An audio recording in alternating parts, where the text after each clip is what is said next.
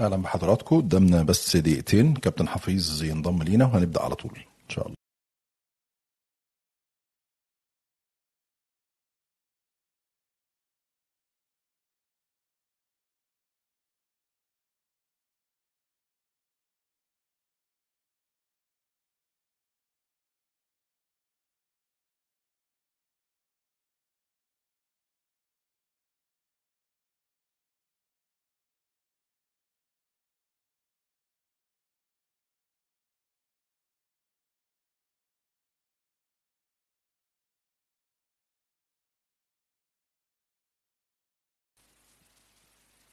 إحنا في خلال دقايق إن شاء الله كابتن حفيظ هيكون معانا ونبدأ ال- الحلقة مباشرة.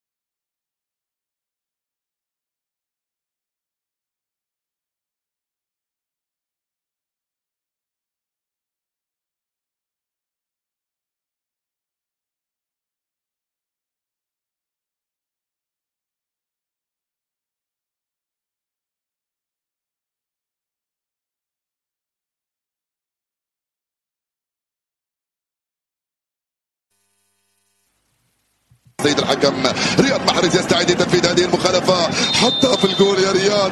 حطها في الجول يا رياض. حطها في الجول يا رياض. حطها في الجول يا رياض. حطها في الجول.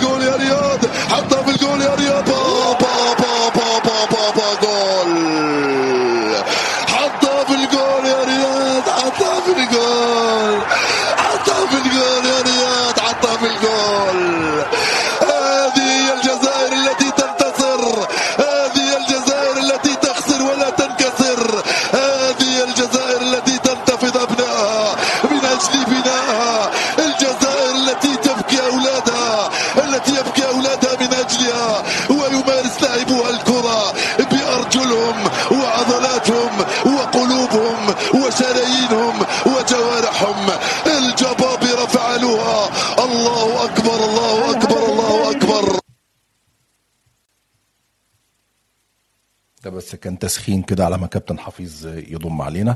هو خلاص قدامه دقيقتين ويكون موجود. ونبدأ النقاش. عايز طبعا أفكر حضراتكم إنه ال- البودكاست تفاعلي فاللي حابب إنه يوجه سؤال لكابتن حفيظ أو يتكلم معاه أو يقول أي تعليق خاص بالموضوع اللي بنتكلم عنه. فالمجال هيكون مفتوح. في زرار آه، ال call اللي هو زرار الاتصال الموجود على اليمين تحت. إذا حضرتك ضغطت عليه في أي وقت هتطلع فيه زي ال queue أو الطابور بتاع الانتظار. واحد واحد بيبدأ يشارك ويطرح ال- الأسئلة.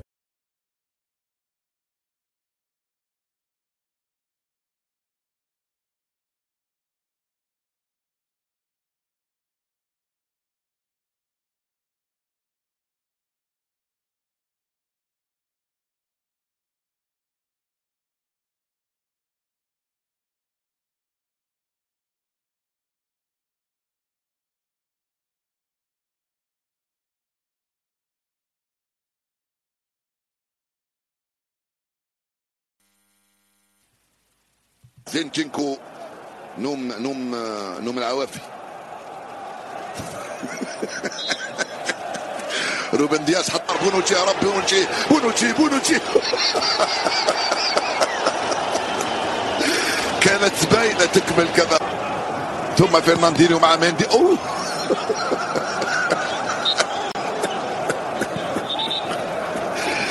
كرة مندي تضرب في وجه جابرييل جيزوس. فابينيو يتفوق البرازيلي ويرجع للحارس البرازيلي. آه يا أليسون آه. آه يا أليسون آه. فينالدوم أليسون. ضيعها. أليسون ضيعها. أليسون أليسون. برناردو سيلفا. جول جول جول. بابلو ماري في التغطية يتفوق في هذه الكرة يوصلها لتوماس بارتي مرة ثانية. قل ما يضيع كرة توماس بارتي. هاو ضيعها بحثا عن ساديو ماني. بروعة التمريرة ولا إلا أن تخطئ يا بيك فورت إلا في هذه المباراة يا بيكفورد ما زال عنده الكرة اليد ما حلت في الم... في هذه المباراة التي تشتغل بشكل الكرة لكلي ما زال تروح لكليني كونتي رايح. وراحت سهله لي. دفاعية. من مروان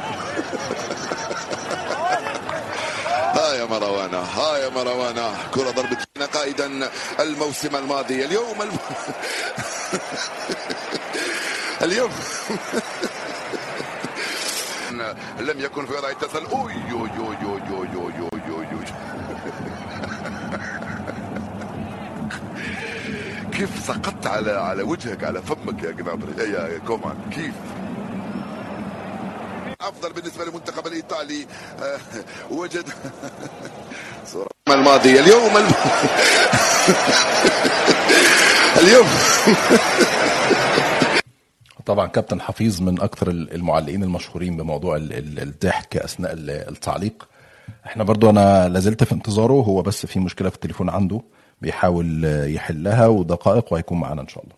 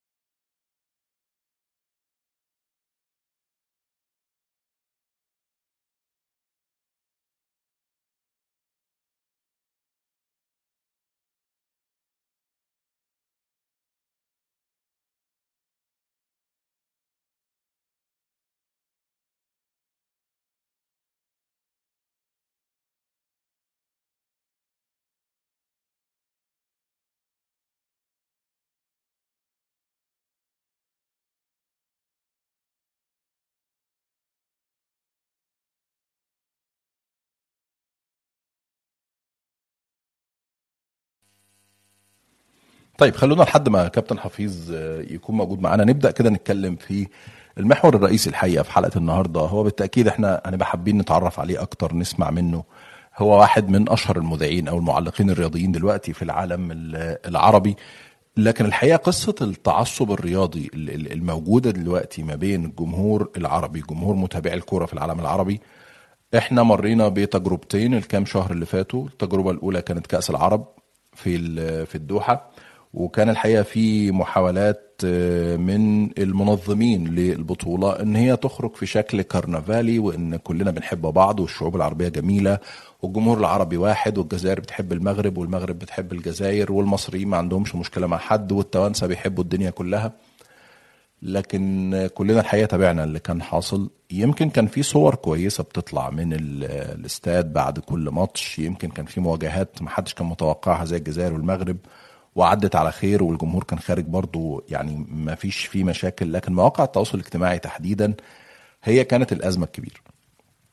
اللي يتابع حتى النهارده ماتش الأهلي المصري والهلال السعودي في الثالث والرابع في كأس العالم للأندية هيلاقي نفس القصة. هو في أسباب احتقان وأسباب تعصب موجودة. هي تراكمات حاجات كتيرة قد تكون منها أسباب سياسية. يعني مثلا خلينا أقول ال- السعودية مثلا لما مصر بتلعب السعودية لو نفتكر من كأس العالم أو أي نادي سعودي أنت بتبقى مستفز لأنك شايف قدامك النادي ده آه، لابس اللبس بتاع تركي آل شيخ. فأنت شايف قدامك المستشار آه، تركي آل شيخ. فبتبقى مست- مستنفر أصلا ومستفز لأسباب تانية يمكن ما تكونش ليها علاقة بالكورة. يمكن لو ما كانش في ال- ال- المشكلة أو اللي عمله تركي مثلا الفترة اللي فاتت في الرياضة المصرية ما كانش هيبقى في احتقان قوي لما يلاعب نادي مصري نادي سعودي. أنا أفتكر في ماتش مصر والسعودية في كأس العالم 2018 في روسيا الأجواء اللي كانت موجودة والراجل لما طلع قال لك يا رب صلاح يتصاب ولا يفضل مصاب وما يرجعش كانت الناس داخلة أصلا الماتش ده وكأنه معركة. فهي نفس الفكرة. أنت التعصب الرياضي الموجود ويمكن حتى هو كابتن حفيظ كان كاتب مقال أول امبارح في القدس العربي كان حتى عنوانه ظريف جدا وهيبقى يعني فرصة لما يدخل معانا إن إحنا نتكلم فيه. كان العنوان بتاعه التعصب للدين والوطن والشرف أولى منه للكره فكرة باختصار إن هو بيتكلم طبيعي جدا يكون التنافس الرياضي على الألقاب والبطولات بين الفرق والمنتخبات العربية. طبيعي إن الناس تتحمس لمنتخباتها. طبيعي الناس تشجع أنديتها يعبروا عن فرحتهم بالفوز أسفهم على الخسارة. لكن هو بيقول كابتن حفيظ إنه أن يصل الأمر إلى درجة الحقد والكراهية والتنمر والتراشق بين الإعلاميين والفنيين في وسائل الإعلام وبين الجماهير في وسائل التواصل الاجتماعي فهذا الذي لا يمكن قبوله أو حتى السكوت عنه. مباريات الكرة والمواجهات الكلاسيكية والتقليدية التي تصنف ضمن خانة الدربيات في العالم لم تكن أبدا موعدا للحقد لكن التعصب الأعمى عندنا حولها إلى مواعيد مثيرة للاستفزاز والاشمئزاز أيضا. هو بيتكلم في المقال طول المقال تقريبا عن الحالة اللي كانت في كأس العرب 2021 وكأس الأمم الأفريقية في المواجهات العربية اللي حصلت. وهو بيقول حتى إن ما كانش في أي مواجهة عربية في كأس الأمم اللي فات غير مصر والمغرب في ال quarter final لكن مع ذلك كان في درجة من التعصب والتشنج بين الجماهير في وسائل التواصل الاجتماعي. الحقيقة لما قريت المقال قعدت أتخيل كده هو مين أصلا سبب التعصب؟ يعني هي الجماهير لو اتسابت لوحدها تخيل كده من غير مشاكل سياسية من غير تعليق أصلا رياضي من غير برامج رياضية فيها محللين بيطلعوا يتكلموا كفنيين على رأي فاروق جعفر. لو الجمهور اتساب لوحده هل هيكون في تعصب أساسا ما بين الجماهير وبعضها أو لا؟ أنا الحقيقة ما أعتقدش. يعني لا أعتقد إن هيكون في الأزمة الكبيرة اللي موجودة دلوقتي. لكن إحنا مثلا عندنا مثلا في مصر على سبيل المثال شخصية مثيرة للجدل والاشمئزاز في في وقت واحد هي رضا عبد العال مثلا. يعني شخص غريب الشكل وغريب الشأن. واحد زي خالد الغندور مثلا. واحد زي شاري محمد. أيام ما كان في قناة النادي الأهلي عشان ما حدش يقول لي أنت مع مش عارف الزملكاوية وأبقى أنا كمان متعصب. مع الأهلاوية قصدي. فالقصة إن الناس اللي بتطلع أصلا تتكلم أحيانا أو مش أحيانا يمكن بنسبة 80 أو 85% هم السبب الرئيسي لقصة التعصب ما بين الجمهور الكورة سواء محلي على مستوى الأندية في كل بلد أو حتى على مستوى الدول. لو نرجع بالذاكرة كده وبرضه أنا أتمنى إن كابتن حفيظ مشكلة التليفون تتحل ويكون معانا يعني أنا حابب أتكلم معاه حتى أيام ماتش مصر والجزائر. الناس اللي كانت بتقول إنه أحمد شوبير وإنه مش عارف إيه ومين كانوا السبب ومدحت شلبي والإعلام الرياضي في مصر كان في ناس بتتهم كابتن حفيظ نفسه ومذيعين جزائريين إن هم برضو كانوا سبب في الحالة اللي وصلت ليها الأمور ما بين الشعبين بقى. إحنا في 2010 ما كناش بنتكلم على ماتش كورة سواء الماتش الثاني اللي كان في القاهرة أو الماتش بتاع أم درمان 18 نوفمبر 2009 لا كان الكلام كله مش مش على كده. كان الكلام إن الشعبين نفسهم وصلوا إن بقت في مشكلة ما بين المصريين والجزائريين. مش بس مشجعي الكورة المصريين ومشجعي الكورة في الجزائر. مين كان يتحمل المسؤولية دي؟ بالتأكيد كان في برامج رياضية بتصب الزيت على النار زي ما بنقول. الشحن اللي كان وصل لأقصى درجات الجنون لما طلع أحمد موسى مع عمرو أديب أيامها يوم ما اتغلبنا في ام درمان وقال لك انزلوا على الجزائريين ومش عاملوا فيهم مش عارف إيه. أصل الجمهور الجزائري بي بيعمل إيه في السودان؟ ومحمد فؤاد قعد يصرخ لعمرو بيقول له إحنا بنموت بنموت. وطلع في الآخر كان في بيت طارق نور بتاع الإعلانات في السودان. فالقصة بتاعه التعصب هو كلنا بنحب الكورة وكلنا بنشجع كورة وبنتفرج على كورة من وإحنا عيال صغيرين. أنا هو كابتن حفيظ الحمد لله وصل معانا. الحمد لله على السلامة يا كابتن. لو تفتح المايك أنا بس عملت لحضرتك invite to speak تبقى معايا على المنصة لو تقبل ال invitation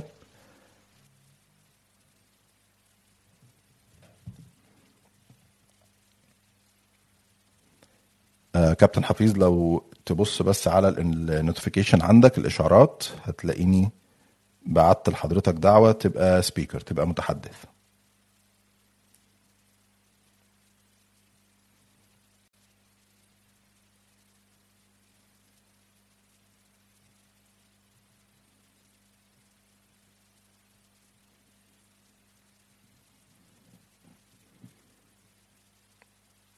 مش عارف هل هل سامعني كابتن حفيظ ولا لأ.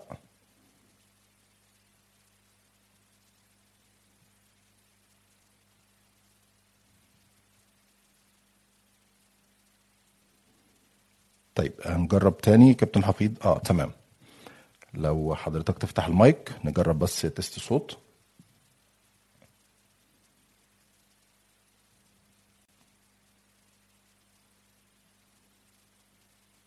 المايك بس بتاعك يا كابتن لو تفتحه عشان نجرب الصوت.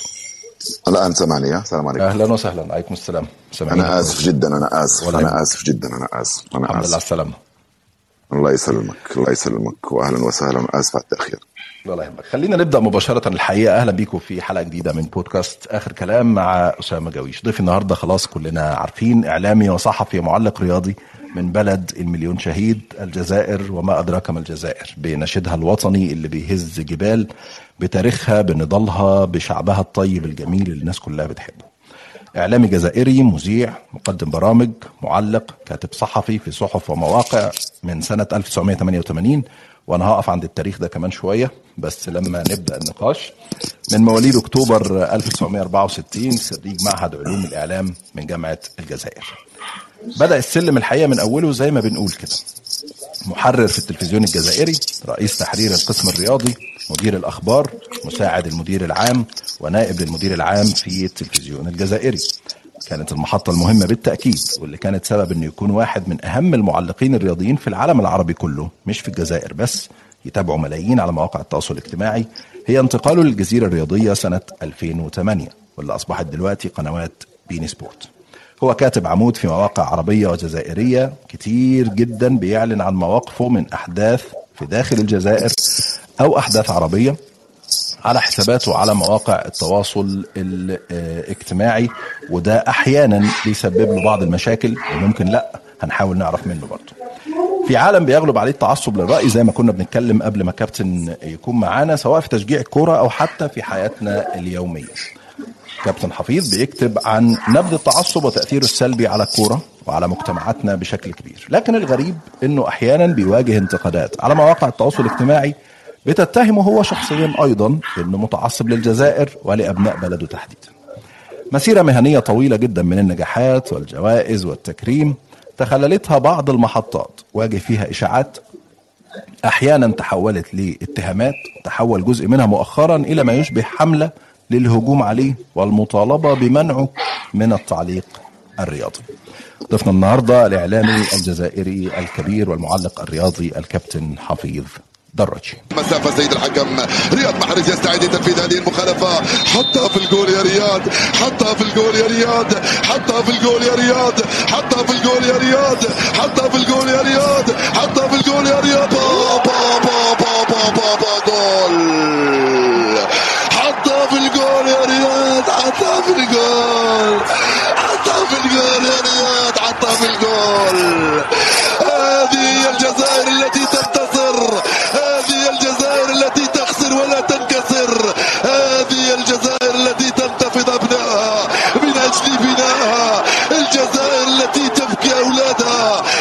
يبكي أولادها من أجلها ويمارس لاعبها الكرة. كابتن حفيظ أهلا بك معي. يا مرحبا أهلا بك. شكرا جزيلا على هذه المقدمة وآسف مرة أخرى مرحبا بكل المتابعين. أشكرك على تلبية الدعوة وخليني أبدأ معاك دايما بأول سؤال أنا بحب أسأله لضيوفي. في دقيقتين لو هتعرف نفسك من هو حفيظ دراجي حفيظ دراجي إعلامي جزائري خريج معهد الإعلام في الجزائر. كنت محظوظ جدا انني دخلت للتلفزيون الجزائري مباشرة بعد تخرجي قضيت فيه 20 سنة كمذيع ومعلق ومحرر. قدمت برامج كثيرة جدا سياسية واجتماعية وحتى ترفيهية ورياضية.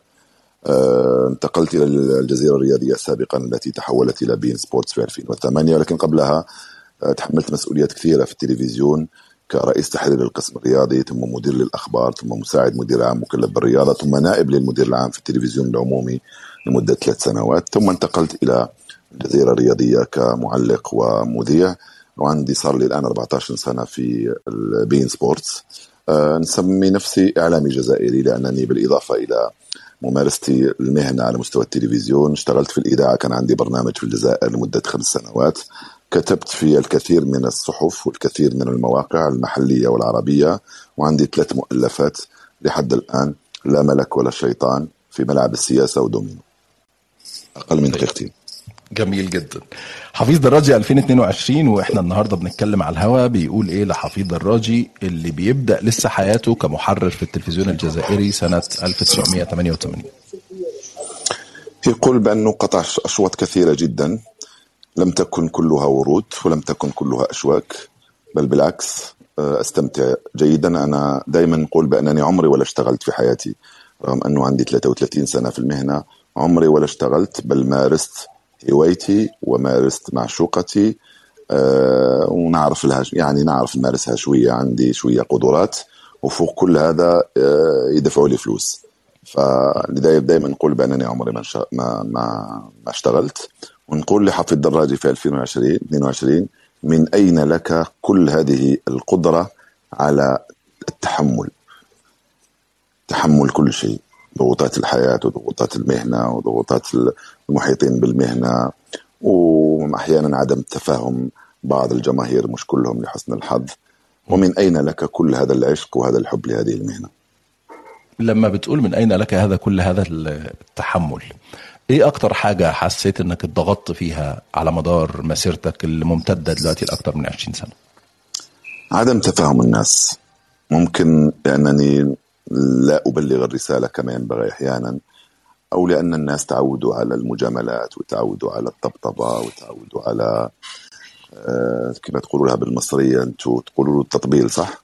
مم. بالمصرية.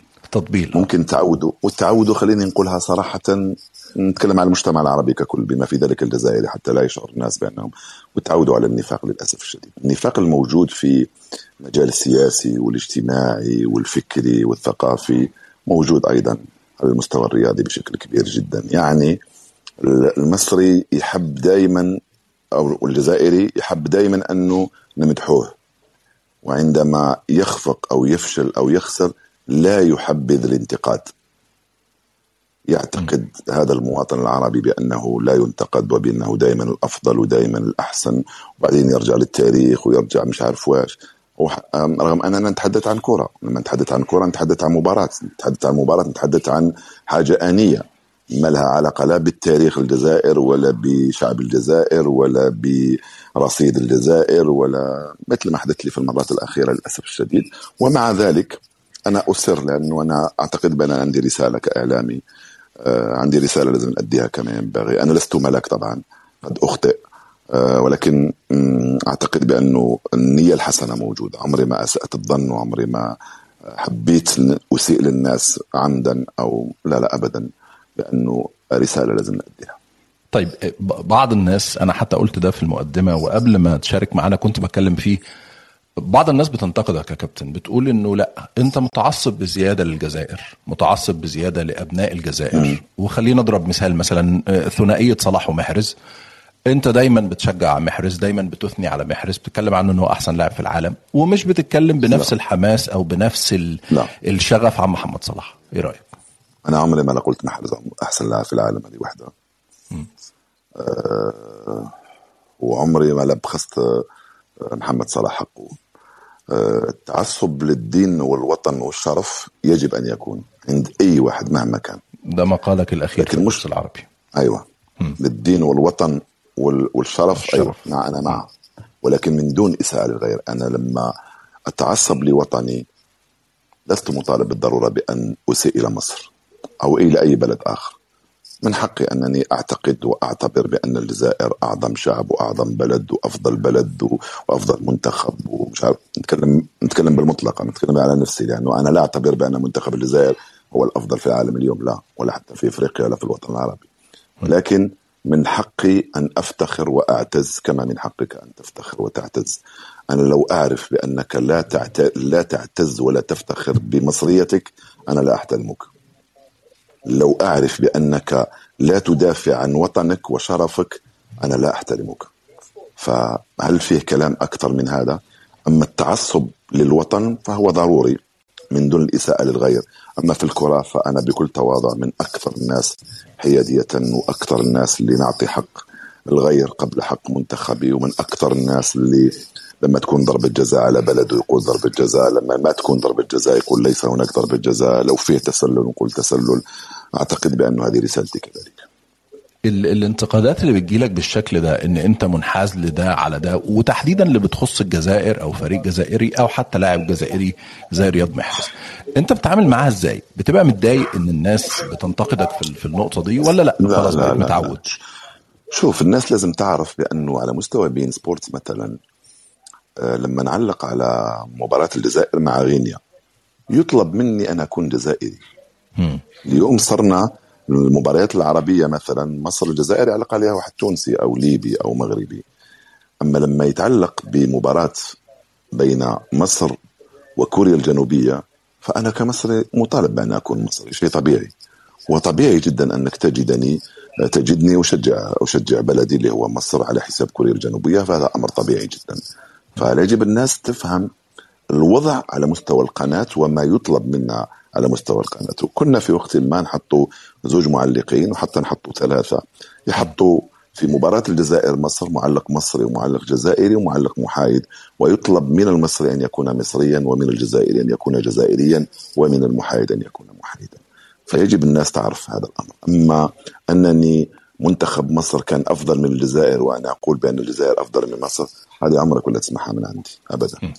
طيب أنا يعني هعرض دلوقتي مقطع صوتي الحقيقة كان آه، في يوم بيعد بالنسبة لي كشاب مصري في وقتها يوم 18 نوفمبر 2009 من الأيام البائسة في في في تاريخ الشعب المصري. خليك خليك وهو- استعمل تعيسة استعمل تعيسة عشان تساعدني شوية. أوكي. استعمل كلمة تعيسة عشان تساعدني شوية عشان ما يقولوا بأنه فقط حفيظ يستعمل كلمة تعيس خلاص كانت من الأيام ال- التعيسة. خليني يعني أسترجع وأنا آسف والله للجمهور المصري اللي بيسمعنا. دلوقتي اتفضل، إن إحنا هنعيد عليكم الجزء من الكابوس ده يعني. حسن يبدأ يوصلها مباشرة لمقلي ترجع لكريم زياني يرفعها من هناك. هيلة من كريم زياني. صعبة هيلة ممتازة. ولا لا! يا بابا! يا بابا! الله الله الله الله! جول جول الله اكبر وايوه هدف جول يا سلام على عنتر يحيى اجمل هدف في العالم هذا هو اجمل هدف في العالم واحلاه أوه. هنا سأتوقف قليلا يا كابتن حفيظ. ده اجمل هدف في العالم؟ في العالم. لا لا لا مش اجمل في العالم. لا لا طبعا لا طبعا. ولكن بالنسبة إلي آه مش الجمال بمعنى الجمال بمعنى المطلق لا بمعنى مجازي. آه هو واحد من أهم الأهداف في تاريخ الكرة الجزائرية خلينا نقول. ليس فقط لأنه تاهلنا لكأس العالم ولا لأنه تاهلنا على حساب منتخب مصر اللي كان آنذاك أفضل منتخب في إفريقيا وفي الوطن العربي. منتخب اللي خارج بثلاث كؤوس إفريقية متتالية. يعني آه، ما فيش أحسن منه في تلك الفترة. ولكن الظروف التي كانت تحيط بالمباراة آنذاك لو تتذكر معي ممكن الجيل تاع اليوم اللي عمره 20 سنة لا يذكرها جيدا. كانت ظروف صعبة على الجزائر وعلى الجزائريين وصعبة عليا. بسبب ذلك التلاشق الإعلامي اللي كان موجود واللي شعر فيه الجزائريون بالحقرة بين قوسين. تعرف بأنه أقصى شعور يشعر الإنسان هو الحقرة حقرة من إعلام مصري قوي وكثير وكثيف أمام إعلام جزائري ما كان فيه قنوات خاصة مثلا كانت فيه قناة عمومية واحدة. حتى بغض النظر حتى ولو كانت فيه قنوات خاصة فالإعلام المصري كان قوي ولا يزال قوي. آنذاك يعني بقوة صداه وبقوة تأثيره وبعدد القنوات اللي كانت موجودة. فالجزائري كان يشعر بأنه آه، محجور من طرف إعلام مصري مش كله طبعا ولا من الشعب المصري. أنا أتكلم عن الإعلام المصري آه، اللي كان له دور سيء آه، ولعب دور كبير جدا في تأهل المنتخب الجزائري آنذاك بالاستفزاز اللي اللي مارسه في تلك الفترة. أنا أنا أفتكر الفترة دي كويس. أنا كان عمري ايامها 25 سنة. كان الوضع آه، في مصر. أصلا آه يعني الوضع كان سيء جدا في في في مصر في الوقت ده. وهم الحقيقة وصلوا إن في أزمة بين الشعوب. يعني هم وصلوا إن يبدأ يبقى في ضغينة جوه المصريين تجاه صح. حاجة اسمها الجزائر. ودي كانت أزمة حقيقية أزمة كبيرة جدا. وكان الكلام كله إنه لأ إن هم راحوا أم درمان وقتلوا وعملوا إيه في الفنانات واعتدوا على مين ومش عارف إيه. وكان طبعا الكلام ده بيصدق بشكل كبير لحد ما عرفنا بعد كده إن هو كان فيلم معمول يعني. أنت شايف الفترة دي اللي وصل إن شعبين كبار زي الشعب المصري والشعب الجزائري بينهم علاقات ممتدة على مدار أزمنة طويلة إن يوصل إن في ضغينة بين الشعوب يتحملها بس الإعلام الرياضي ولا كان في ظروف سياسية كمان بسبب ده؟ لا الإعلام والساسه طبعا الساسه كان عندهم دور سواء في مصر أو في الجزائر لا أخفي عليك لأنه في الجزائر استغلوا الأمر استغلوا الأمر لأنه كانت العالم العربي يمر بفترة صعبة. انذاك في 2009 والدليل أنه بعد سنتين قامت الثورة في مصر وقامت الثورات العربية في العديد من البلاد العربية. أعتقد بانه الساسه كان لهم دور خبيث بين قوسين مع حفظ الأسماء. نتكلم على الدور. الدور كان خبيث. والسياسة دائما تدخل في مصر وفي الجزائر حتى أبقى في مصر والجزائر. دائما كانت الرياضة تستعمل والكرة تستعمل وفي في استغلال مش استثمار. في استغلال للكرة وللرياضة من أجل تنويم الشعوب من أجل تخدير الشعوب من أجل استفزاز الشعوب من أجل الأشياء السيئة اللي, تحدث في مجتمعاتنا. أعتقد بأنه الإعلام أنذاك كان وسيلة استعملها الساسة والدليل أنه سنوات من بعد وشهور من بعد اتضح بأنه كل الكلام الذي قيل في تلك الفترة كان مجرد هراء سامحني على الاستعمال هذه الكلمة صحيح. آه لم يكن كلام صحيح. آه وبعدين آه، لو نرجع للكرة نقول لك بأنه لو نعود المباراة في ظروف حسنة مئة مرة يفوز علينا منتخب مصر مئة مرة. ذلك المنتخب في تلك الفترة يعني. كان لكن طبعا لا لا لا كان أقوى وأفضل منا بكثير. ولكن ذلك الاستفزاز الإعلامي هو اللي حفز اللاعبين الجزائريين وخلاهم يفوزوا بتلك المباراة. طيب أنا بمناسبة الظروف السياسية وتأثيرها على الرياضة الفيديو اللي عرضته في في المقدمة وهي نصف نهائي 2019 وأنت بتقول هذه هي الجزائر التي تنتصر. نعم. الكلام الحقيقة نعم. كان وكأنه ال- الفترة دي كان متزامن قبلها وأثناءها الحراك صح. الجزائري الأخير. صح. أنت صح. كان واضح إنك متأثر بالحراك. أنت ما كنتش بتتكلم على ماتش كورة. هل أنا مخطئ في النقطة دي؟ ابدا. أنت لست مخطئا. لو الظرف السياسي اللي في بلدك كان مأثر. عليك. ولكن أنا أنا أنا مؤثر علي ولكن لم اسئ إلى الغير. أنا في كلامي آه، كان فيه حاجة من قلبي وبعقلي ولكن من دون إساءة إلى الغير ابدا. يعني لما تكون أنت مصري وتشاهد على التلفزيون المفروض لا تحرج بكلام مثل هذا لأنه لا يعنيك ولا بالعكس أنا نعطيك مثال بسيط واحد آخر. رحت للكويت السنة اللي فاتت أعتقد آه، أو هذه السنة التقيت بواحد آه، نحكيها لك في 30 ثانية. إنسان كبير يعني كويتي محترم يعني كبير. آه يا كابتن مرحبا أهلا بك. باختصار شديد قال لي كابتن حبيت نقول لك حاجة. تفضل. قال لي أنت حببت ابني في بلده. حببت ابنك في بلده. قلت له كيف؟ قال لي أنا عندي ابني كويتي عمره 11 سنة. قال لي لما يسمعك تعلق على المنتخب الجزائري في بعض المحطات خاصة في 2019 قال لي جعلته يحب الكويت أكثر مما كان سابقا وصار يسمع النشيد الكويتي ويتغنى بالكويت ويقول لي نعمل مثل حفظ الدراجي مع بلده. فهذه جزء من الرسالة التي أهدف إليها. أنا لما أعبر عن حبي لبلدي أنا لا أحب بلدي أكثر منك أنت لا ولا أكثر من أي جزائري ممكن أنا آخر واحد يحب بلده آه، في هذه الحياة. ولكن رسالتي أنني نخلي كل طفل صغير وكل مواطن يحب بلده ويقدر بلده ويشجع بلده ويوقف مع بلده. هذه هي الرسائل ممكن بطريقة غير مباشرة. آه، المهم أنك لا تسيء لآخرين. عندما أحب أمي أنا لا أكره أمك بالضرورة. عندما أحب زوجتي أنا لا أكره زوجتك أو نساء العالم بالضرورة. فهذه لازم توصل لل- للناس عامة. طيب أنا صحفي سياسي بعمل مقابلات سياسية في الغالب بستضيف ناس بتتكلم على قضايا تخص السياسة. أنت صحفي رياضي ومعلق رياضي كبير. لما أنت بدأت تشتغل أنا كان عمري ثلاث سنين. مش قصدي أكبرك ولا حاجة لكن بس أنا كبير بس أنا كبير بس أنا كبير. ربنا يديك الصحة. لكن الله يرحمه. اللي. عايز أتكلم فيه يا كابتن فكرة التحكم في المشاعر. ان إيه إيه الحد الفاصل اللي أنت عنده لأ ما تقدرش تقحم مشاعرك أثناء التعليق سواء على ماتش للجزائر أو على ماتش الفريق أنت بتحبه أو وات يعني. أنك لا تسيء للآخر الحد الخيط هو انك لا تصل إلى درجة الإساءة للغير. ولا تصل إلى درجة انه المشاهد يشمئز منك. نعطيك مثال. في مباراة الجزائر مصر أو الجزائر آه، غينيا وأنا مناصر كويتي. وش دخلني أنا في مشاعرك يا كابتن حفيظ وش دخلني أنا في الجزائر هذه التي تنتصر والتي لا تخسر والتي أنا جاي نشوف كرة. قد يقول لي هذا الكلام. يقول لي أنا جاي نشوف كرة. ليش تزعجني بهذا بهذا بهذا بهذا الأغاني اللي تغنيها أنت؟ فهذا لازم له لازم نعطيه له حقه ولازم نحترموه. أنا ممكن أحيانا أتجاوز وأنسى هكذا أمور لأني نكون في قالب وفي قوقعة جزائرية. آه، ما اخذ حذري على أنني لا أسيء للآخر. ما اخذ نحاول ناخذ حذري في عدم المساس بمشاعر الآخرين. ولكن إحنا قناة عربية متوجهة للوطن العربي.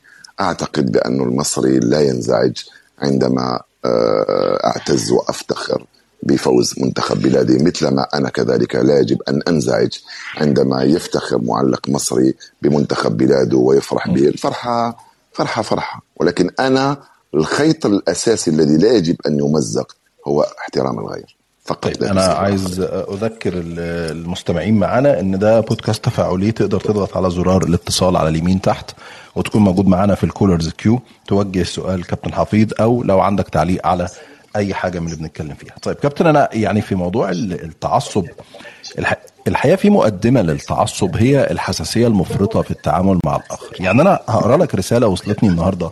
لما أعلنت إن أنا مستضيفك في البودكاست. أه، حد قال لي أه، يا ريت تسأل كابتن حفيظ. النهارده هو كتب بوست بيهنئ فيه النادي الأهلي المصري بفوزه ببرونزية كأس العالم للأندية على حساب الهلال السعودي. لكن نعم. كابتن حفيظ لما جه يكتب كتب الهلال السعودي قبل الأهلي المصري. هو مش المفروض يكتب نعم. اسم اللي فاز أول؟ أه، يعني برضو دي حاجة الناس أنت شايفها حساسية مفرطة ولا الناس عندها حق في حاجة زي كده؟ لا لا حساسية لا حساسية مفرطة. حساسية مفرطة. اولا اولا آه، في الصياغة آه، عادية وثانيا آه، وقفت عندها عند كتابتها وخليتها تمر. نقول لك علاش في الصياغة. لأنه صياغتي قلت النهائي الصغير لكأس العالم للأندية من أجل البرونز بين كبيري آسيا وإفريقيا. يعني أنت فكرت فيها وأنت بتكتب؟ أيوه. عندما أقول كبيري آسيا معناها نبدأ بالهلال السعودي والأهلي المصري. وبعدين من المفروض اللي فايز واللي متوج واللي منتصر لا يتحسس من هذه الأمور. إحنا دائما نبدأ بالصغير نبدأ بالخسران نبدأ بالكبير في السن نبدا نبدأ بالسيدات قبل قبل السادة صح؟ لماذا نبدأ بالسيدات قبل السادة؟ احتراما. ف آه، أعتقد بأنه والله توقفت عندها صدقني. ولكن توقفت عندها لغويا وادبيا واخلاقيا مش لأنه متحسس من أي مصري يقرأها شيء آخر. لا بالعكس. ولكن آه، قراءة الأخ هذا للموضوع بهكذا شكل هذا يأكد لي يا حفيظ خذ حذرك خذ حذرك خذ حذرك خذ حذرك. أنا لا أريد أن آخذ حذري عندما أتكلم أو أو أكتب صدقني. آخذ حذري ادبيا واخلاقيا و... ولكن مش لهذه الدرجة يعني. مع احترامي لل... للأخ اللي عمل لك الملاحظة واللي هي ملاحظة طبيعية وعاديه يعني أنت توقفت آه عندها بتقول يعني فكرت والله توقفت عندها آه. والله توقفت عندها ولكن لما قلت كبيري آسيا وإفريقيا لأنه الرنة تاعها تجي آسيا وإفريقيا ما تجيش إفريقيا وآسيا. أو قد تأتي إفريقيا وآسيا. ولكن أنا قلت كبيري آسيا وإفريقيا حبيت نبدأ بالفريق الخاسر. لأنه قد يتحسس. يظهر لي بأنه آه، هاو خرج لي واحد فايز وتحسس. صح؟ طب انت لما لما إذا حسبها خطأ مني فهي خطأ. إذا حسبها خطأ مني فهي خطأ. أنا الحقيقة يعني الفترة الأخيرة تحديدا من أيام كأس العرب لما حصلت المشكلة مع الجمهور المصري في ماتش مصر وتونس وكان في حالة غضب كبيرة جدا وأنا الحقيقة كل ماتش بيبقى لمصر وبيعلق عليه حفيظ دراجي اسمك بيكون ترند في مصر سواء بالإيجاب أو بالسلب يعني الناس لازم تتكلم على أي ماتش أنت يعني لازم نسمع الحدث لازم نسمع الحدث. فالقصة انت مش بتعيد التفكير. طب يعني خلاص لا واضح ان أنا ال style اللي أنا بشتغل بيه بيجيب لي مشاكل بيجيب لي وجع راس. الانتقادات زايدة الفترة اللي فاتت. خليني أغير خليني أكون يعني زي ما بيقولوا في مصر كده نوطي للموجة وخلاص. مش بتفكر في لا. لا. أنا أصر أكثر فاكثر شوف يا أخي أنا عادة دائما نقول بأنني أقول ما أفكر فيه ولا أفكر فيما أقول. لأنك لو دخلت في التفكير فيما تقوله تصبح منافق وتصبح مجامل و... وتصبح مش أنت يعني. فأريد أن أكون أنا. أنا الذي ينتقد زوجته وينتقد ابنه وينتقد ممكن أمه وأبيه وأبوه وأنا الذي يجب أن أتحمل وأتقبل الانتقادات التي تصلني وأصحح ما يمكن تصحيحه. أما أنني أجامل فلا. أما أنني أنافق فلا. آه بالعكس أنا قلت لك بأنه عندي رسالة. فأصر ما دمت لست مخطئ في اعتقادي. ما دمت لست مسيء للغير في اعتقادي. فأنا تقول لي وطي واختفي ونزل و... لا هذه مش مش مش ممارستي. أنا طب أبداً. أسألك سؤال وأرجو تجاوبني بصراحة يعني. والله كل زمايلك- كل أسئلتك أرد عليها بصراحة. جميل. زمايلك في beIN Sport المصريين والتوانسة وكده أو أنا لسه سايب المغرب هتكلم عنها لوحدها يعني. لكن خلينا نتكلم على مصر وتونس الأول. زمايلك في Sport مش بيجوا يقولوا لك يعني لا ال post ده ما كانش كويس لا الكلمة دي مش عارف لا. طب انت ليه زعلتنا؟ طب ما بيحصلش. ابدا ابدا بالعكس بالعكس. آه، أجد تفاهم كبير لأنهم يع... ممكن لأنهم يعرفونني عن قرب. ممكن لأنهم يعرفونني عن قرب يعرفون حفيظ الشخص وحفيظ الاعلامي فعارفين تفكيري. بالعكس في كثير من المصريين وتوانسة ومغاربه يقولوا يا كابتن ما تأخذ عليهم الكلام ما تأخذ الكلام هذا جماهير عارفين بأنه يعرفوني كشخص. فصراحة لا أذكر بأنه فيه زميل من الزملاء لمني لا أذكر لا أذكر لا أذكر بأنه زميل من الزملاء لمني أبدا. علاقتك بكل زملائك من مصر وتونس علاقة ممتازة ما فيش فيها مشاكل ولا حاجة. أبدا أبدا فيها الكثير من الاحترام والكثير من ما تقدرش تصور ولا ما تقدرش تصور. وبعدين أنا أنا محترم للناس كلهم مش عارف إذا إذا عندك أصدقاء مصريين في القناة تسألهم يعني. لا أنا عايز. أسألك لا مش بس أصدقائي في القناة كنت عايز أسألك على زيارتك لمصر الاخيره يعني أنت زرت مصر آه، من شهور تقريبا مش كده؟ من شهور؟ لا لا آخر مرة زرتها في 2019 في كأس أفريقيا. آه. وتقريبا. قابلت ناس كتير آه، هناك طبعاً. تعامل المصريين الشعب المصري معاك كان عامل إزاي؟ في منتهى الروعة. شوف وكتبتها وقلتها. آه كأس أفريقيا 2019 آه كانت آه فيها إنجازات كثيرة وكبيرة للجزائر وللمنتخب ولحفيظ شخصيا. آه كانت زيارتي بعد عشر سنوات من من حادثة 2009 أنا نسميها حادثة فقط أنت سميتها بؤس وتعاسة نسميها حادثة عشان أنتوا 2009. تأهلتوا وإحنا ما تأهلناش. طبعا طبعا طبعا طبعا. لكن تألمنا كثير تألمنا كثير صدقني يعني. تألمنا كثير في تلك الفترة. آه ف لقيت آه، وحد الحب وحد الاحترام. أنا إحنا مش مطالبين بأن نحب بعضنا البعض إحنا مطالبين بأن نحترم بعضنا البعض. لقيت احترام كبير جدا وتفاهم كبير جدا للناس. أنا نعرف بأن المصريين عاطفيين كثير نتكلم عموما يعني ما نتكلمش على مم، فصيل معين. المصريين عموما عاطفيين جدا. وبعدين كنت محظوظ جدا أنه عملت حركات والله ما كانت مقصودة. مثلا رحت زرت الأهلي رحت زرت عائلة أبو تريكة. مش عارف بالنسبة للمصريين شعروا بأنها حاجة كبيرة أنك تروح زيارة. عائلة أبو تريكة دي بصراحة حاجة كبيرة جدا يعني. بس صدقني صدقني صدقني بأنه جت صدفة وعمري ما فكرت فيها. أنا كنت في مصر اتصل بي الكابتن محمد يا كابتن زيك وين أنت نازل؟ قلت له نازل في مكان فلاني كيف أمورك؟ قلت له والله ما شاء الله الحمد لله. قال لي كابتن الله يرحم والديك فرحني. قلت له غير الخير تحتاج شيء قال لي الوالدة حبيتك تروح تتغدى عند الوالدة. قلت له يا كابتن. وأنا كنت عارف بانه والدته كانت موجودة في الدوحة وكانت مريضة. قلت له يا كابتن الوالده مريضة ونزيد تروح انت تعبانه قلت له لا لا قلت له بارك الله فيك. قال لي يا كابتن الله يرحم والديك يفرحوا بك القرية تاعي. لما قال لي يفرحوا بك القرية تاعي وقال لي عنده إخواني وما تخافش الوالدة ما راح تتعب لأنه عندي إخواني وزوجاتهم هم اللي يحضروا لك كل شيء. قلت له okay يا كابتن. قلت له okay. فوافقت. في اليوم الموالي جا خدني خدني أخوه. ورحنا تغدينا وكبروا بيا وما شاء الله.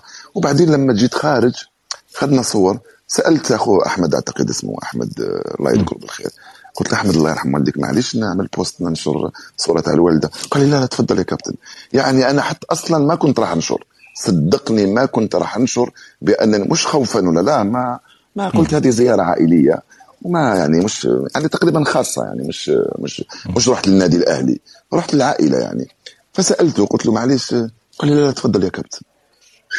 تقريبا ال post هذاك لحد الآن هو أكثر بوست جلب متابعات وإعجاب ولايكات في كل البوستات اللي عملتها لحد الآن. مش عارف فين واصل 8 ملايين لا والله مش عارف كم كم وصل. فكل شيء جاء تقريبا صدفة.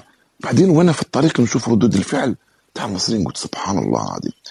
هناك زدت عرفت أيضا مدى حب الناس لأبو تريكة. إيه إيه رأيك في أبو تريكة يا كابتن؟ يا أخي وش نقول لك؟ محترم جدا أقل ما يمكن أن يقال عنه. محترم جدا. ويسوق صورة طيبة لمصر ويسوق صورة أيضا. مش يسوقها يعني هو صورته هو هكذا يعني فيه وعليه يعني. أه ولكن يعطي يعطي الصورة الطيبة عن عن المواطن المصري قبل أن يعطيها عن اللاعب أو عن المحلل. لأنه بل يعطيها عن الإنسان المصري بصفة عامة. إنسان ودود إنسان حبوب إنسان يحب الخير. إنسان ما تفوته بالسلام. هو الوحيد ممكن اللي في القناة اللي أنا ما نقدر نفوته بالسلام. يعني إلا إذا شفته قبل ما يشوفني. إذا تشوفنا في نفس الوقت أو شافني قبل هو يسلم الأول. أه قل ما نسلم عليها أنا الأول أه الكابتن. ف لما حصلت انتقادات آه، لزيارتك لعيله أبو تريكة. لأن نعم. انت عارف يعني الإعلام المصري لا يروق ليه كابتن أبو تريكة كتير طبعا طبعا. يعني كان إيه رد فعلك؟ اشتبكت مع الكلام ده؟ حد نصحك إنه لأ بلاش لأن الأمر ممكن يتطور ل يعني مشكلة ليك في مصر، كان إيه إيه تعاملك مع الأزمة يعني؟ لا صارت لي حدث لي مشكلة في الإعلام ومع بعض المحامين أعتقد رفعوا علي قضية صحيح وطلع أعتقد مرتدى من صور رئيس الزمالك طلع سبني وكان الكلام كلام مش كويس يعني. آه وفيها رفعت علي دعوة بسب بزيارة إرهابي عائلة إرهابي واحد قال لهم ودى لهم فلوس و وقريب قالوا لهم ودى لهم اسلحه أسلحة يعني. قريب وديت الأسلحة أنا ف طبعا أنا اعرف تعودت وتعلمت ونعرف الضجيج اللي يعملوه ناس من هؤلاء. لكن أنا ما حدث لي ولا مشكلة على كل حال لا في المطار ولا لما رجعت ولا ما حدث لي ولا مشكلة الحمد لله ولكن ما حبيتش نرد ما حبيتش نرد احتراما لأبو تريكة. حبيت نرد حتى لا أزيد على أبو تريكة مش علي أنا. حتى لا أزيد عليه هم أو أو أو شيء آخر. فاكتفيت بقراءة وسماع ما يقال. وأنا ما أنا عارف مع نفسي بأنني ما قمت بحاجة سيئة. لا اخلاقيا ولا ادبيا ولا مهنيا حتى مهنيا أنا لم أخطئ مهنيا. أنا رحت في زيارة خاصة بدعوة كريمة طيبة. دعا استدعوني أو كثير من الأصدقاء في مصر. ورحت لعوائل أخرى ممكن مش مشهورة وتغديت عندهم وتعشيت عندهم وحطوني فوق الرؤوس. ممكن لأنه الناس اللي رحت لهم مش مشهورين مثل أبو تريكة فما عملتش ضجيج ضجيج كبير يعني. طيب أنا أنا هرجع لكابتن أبو تريكة تاني لأن هو في وجهة نظر هو قالها. وانت كان ليك وجهة نظر في موضوع مشابه. في اختلاف ما بينكم يعني هرجع له هنتكلم فيه لكن خلينا نروح للمشاركين معانا. حمزة لو تفتح المايك اتفضل لو في سؤال أو مشاركة.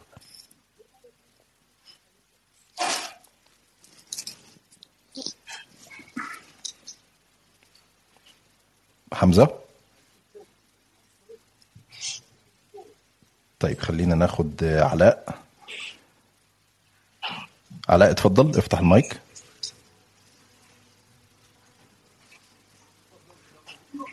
طيب علاء كمان مش موجود. تمام. على كل حال لا علاء رجع لنا أهو. علاء اتفضل. لو تفتح المايك وتتكلم. يا علاء.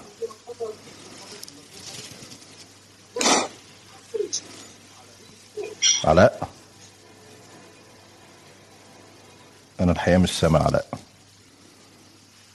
ما سامعك أنت بس.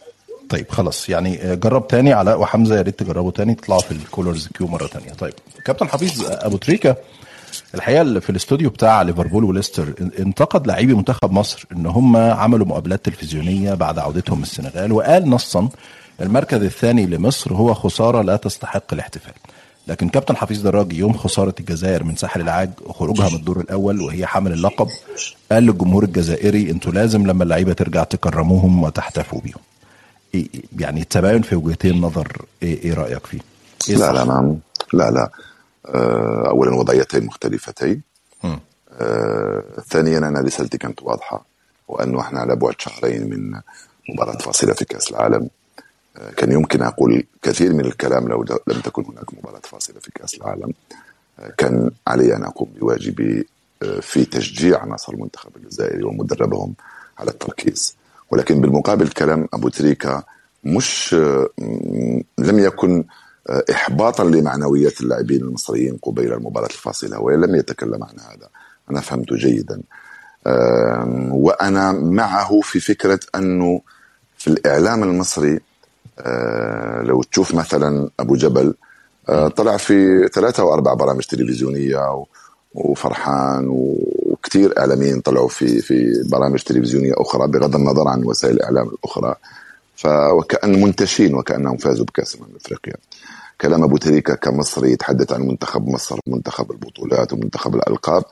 آه، ممكن كان يقصد به شيء معين. آه، لو لم يظهروا في وسائل الإعلام لقال لفعل ما فعلته أنا مع المنتخب الجزائري.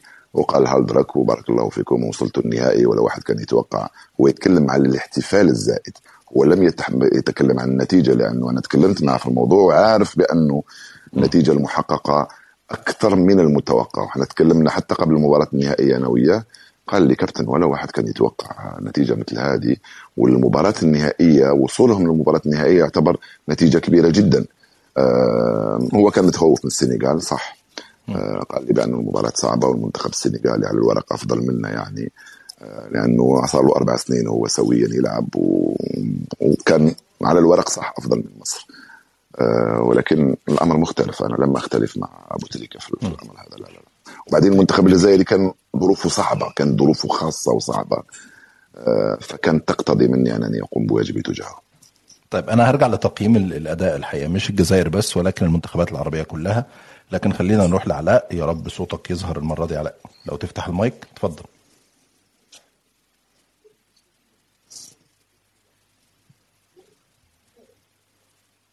علاء هل بتتكلم؟ لأن صوتك مش ظاهر. مش عارف إذا أنا اللي ما عنديش حظ ولا علاء اللي ما لا لا أنا برضو مش سامع صوت علاء. طيب علاء لو تخرج من الروم خالص وتحاول تدخل تاني. آه، وحمزة كمان لأن حمزة برضو بعت لي رسالة إنه بيحاول لكن آه، مش عارف. خلينا أجرب مع حمزة. ممكن تظبط. حمزة اتفضل لو تفتح المايك.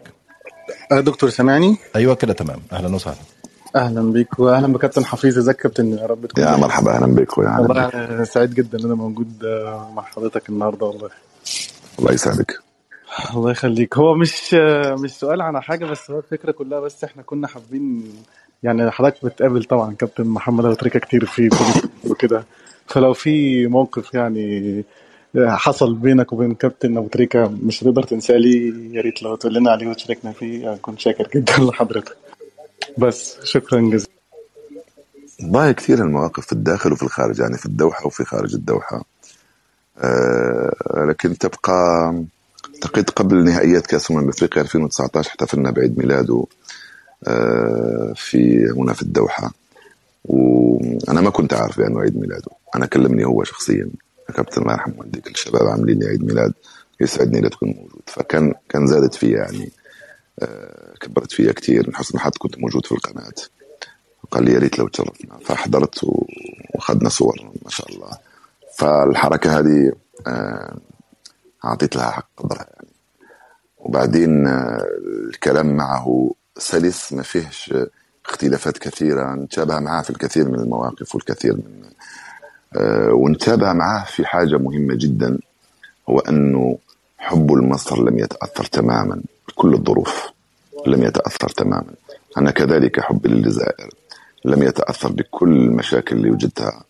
آه، مش مثله ولكن أنا أيضا كنت كانت عندي مشاكل مع بلدي في وقت ما في فترة ما عندما كنت أنتقد منظومة.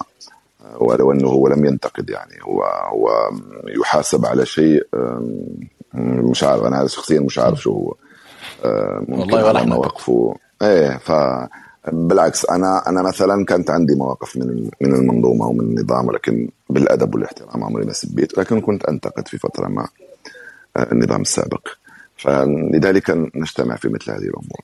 آه، مع أبو تريكة كل الأشياء جميلة وما شاء الله يعني.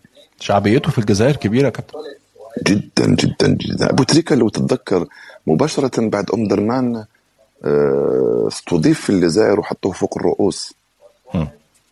حطوه فوق الرؤوس. مش عارف إذا بعدها مباشرة أو قبلها.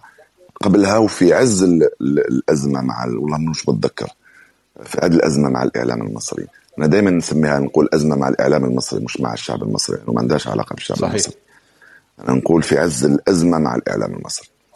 آه، أعتقد قبلها أو بعدها مباشرة. فتحت فوق الرؤوس أبو تريكة. أولا اللي, اللي استضافوه كتر ألف خيرهم اللي فكروا في استضافته كتر ألف خيرهم كان حفل الهداف أعتقد. وقبوله أيضا الدعوة آه، يتحط فوق الرؤوس أيضا. آه، شجاعة كبيرة أنك مش شجاعة لأنه خاف لا. شجاعة في الظروف اللي, اللي, كانت أنذاك يعني مصريين زعلانين منا شوية وإحنا زعلانين منهم. ومع ذلك آه، نزل وكانت له رسائل رائعة جدا يعني. طيب خلينا نسمع مصطفى. مصطفى أهلا بيك. ألو الصوت واصل كده؟ واصل يا مصطفى. أهلا وسهلا. خمسة على خمسة يا مصطفى. آه والله إحنا سعداء جدا كابتن حفيظ إن إحنا معاك في نفس الروم يعني بنتناقش وبنسمع منك. آه أنا عندي أسئلة متنوعة كده. آه لو ممكن حتى دكتور أسامة يعني يخليهم في باله لو لو. في حاجة مش عليها يعني. في ظل ال- الفوارق الفنية اللي واضحة بين منتخب مصر ومنتخب السنغال وطبعا ال- اللي ممكن نقول عليه يعني في عجز هجومي موجود عند المنتخب آه، باستثناء صلاح يعني. هو مصطفى محمد آه، متوظف آه، بأدوار دفاعية شوية وما بيوصلوش إمدادات يعني من نص الملعب. فشايف فرصة مصر عاملة إزاي في التصفيات؟ بكل صراحة يعني دي حاجة. الحاجة التانية برضو هل كنت تفضل منتخب تاني غير الكاميرون في التصفيات التاني؟ ده بالنسبة لتصفيات كأس العالم. آه، حاجة تانية بقى على جنب كده يعني كنت عايز أعرف مثلا آه، أنا أعتقد طبعا أكتر لحظة يعني آه، جميلة لحضرتك عشتها في التعليق كان ممكن آه، التتويج بكأس الأمم آه، نعم. 19 وحتى ممكن أجمل هدف أو أكتر هدف محبب لقلبك ممكن حطها في الجول يا رياض يعني. صح. آه، بس كنت عايز أعرف آه، أصعب لحظة عدت عليك في التعليق آه، عشتها. وجون بس مش أكتر جون محبب لقلبك لا يعني أحلى جول أجمل جول ممكن تكون علقت عليه يعني في المسلسل جميل. دول آه، وطبعا. أنا بس طبعا إحنا يعني مع حضرتك ومع معلقين كتير في بين سبورتس يعني إحنا بنعيش بنعيش وبننفعل فعلا في الماتش ونتمنى إن المعلقين المصريين يبقى عندهم آه، يعني جزء من حميتكم وانفعالاتكم في المباراة يعني.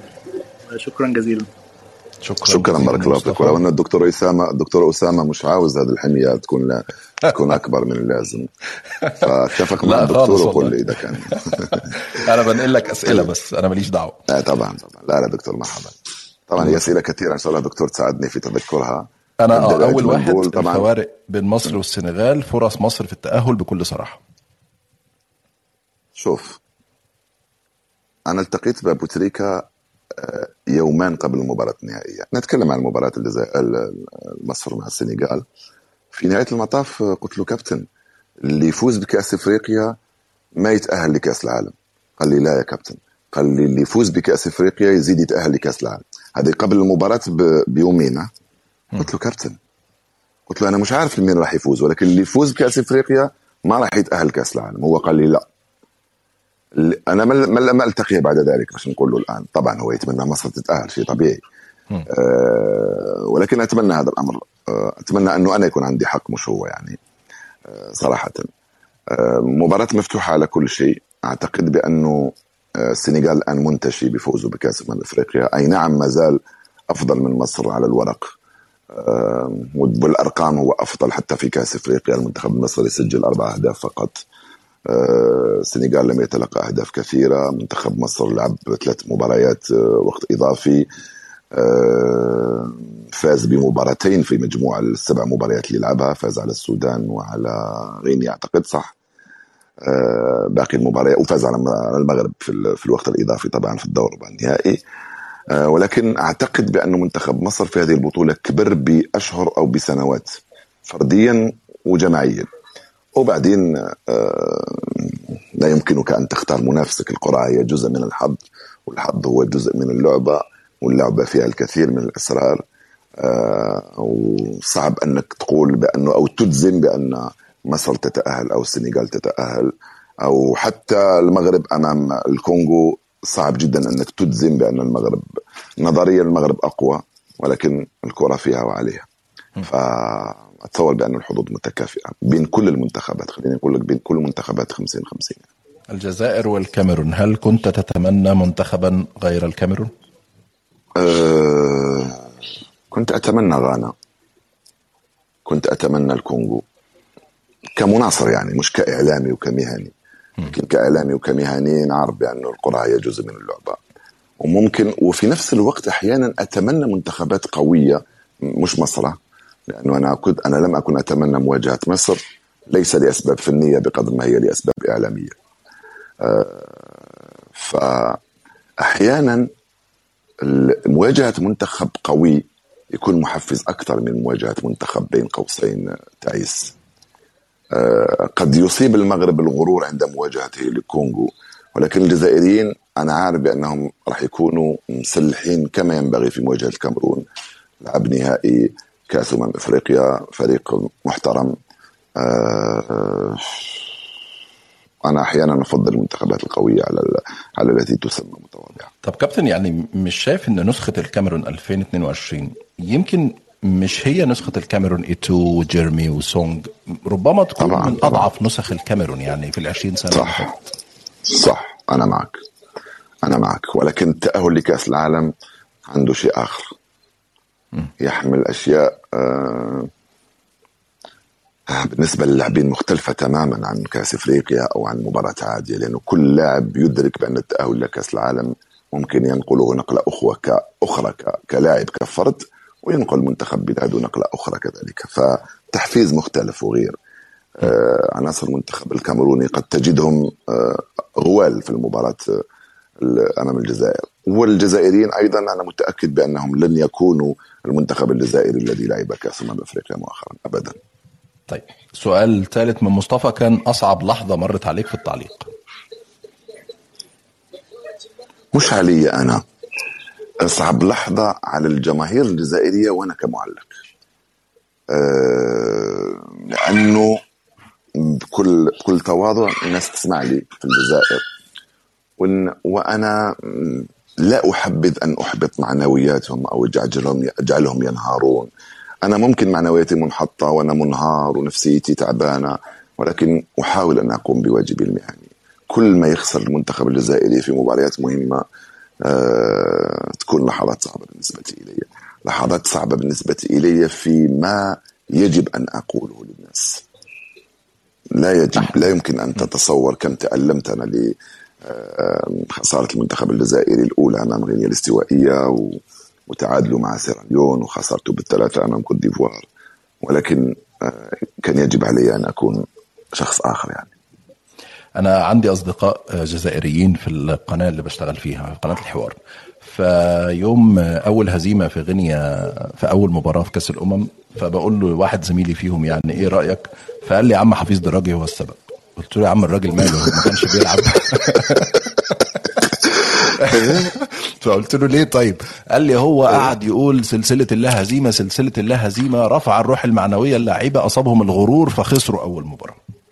إيه رأيك؟ لا لا مش بس أنا اللي كنت نقول سلسلة بلا هزيمه الجزائريين كلهم كانوا يقولوا والعالم كله كان يقول بأنه 35 مباراة من دون هزيمة. هذا أمر واقع يعني رقم ما, ما فيش مزايدة يعني. لا لا لا لا, لا, لا. طبعا هذا قالها ممكن مباشرة بعد الخسارة ولكن في اليوم الموالي ما اعتقدش بأنه يقول نفس الكلام لما يرتاح ويكون مع راسه.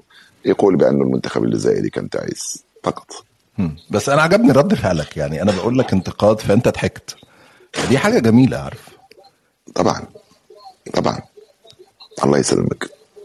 طيب خلينا نروح لعلاء. لا في لسه آه، سؤالين. أحلى هدف علقت عليه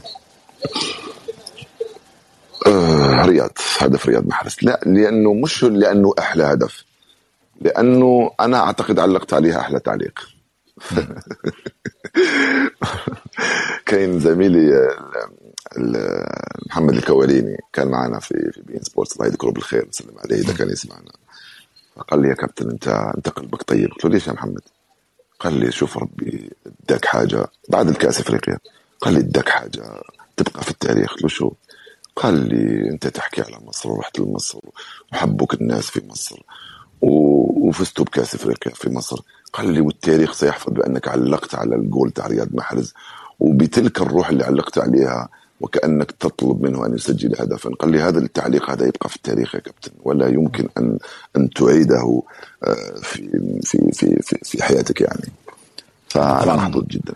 أنت عارف كابتن محمد الكوليني يعني آه، الناس بتحبه في مصر يعني بس واو. هو دايما طبعا التاريخ بيذكره. دايما بالهدف الثاني يعني إحنا لما بيعلق على ماتش ما بنبقاش عايزين يجي هدف عملوها تاني. عملوها تاني عملوها تاني طيب خلينا نروح ل محمد. حبوب حبوب انسان طيب وما شاء الله صعيدي صعيدي صعيدي ما شاء الله الله يحفظه تمام علاء لو تفتح المايك يا رب المرة دي صوتك يوصل اتفضل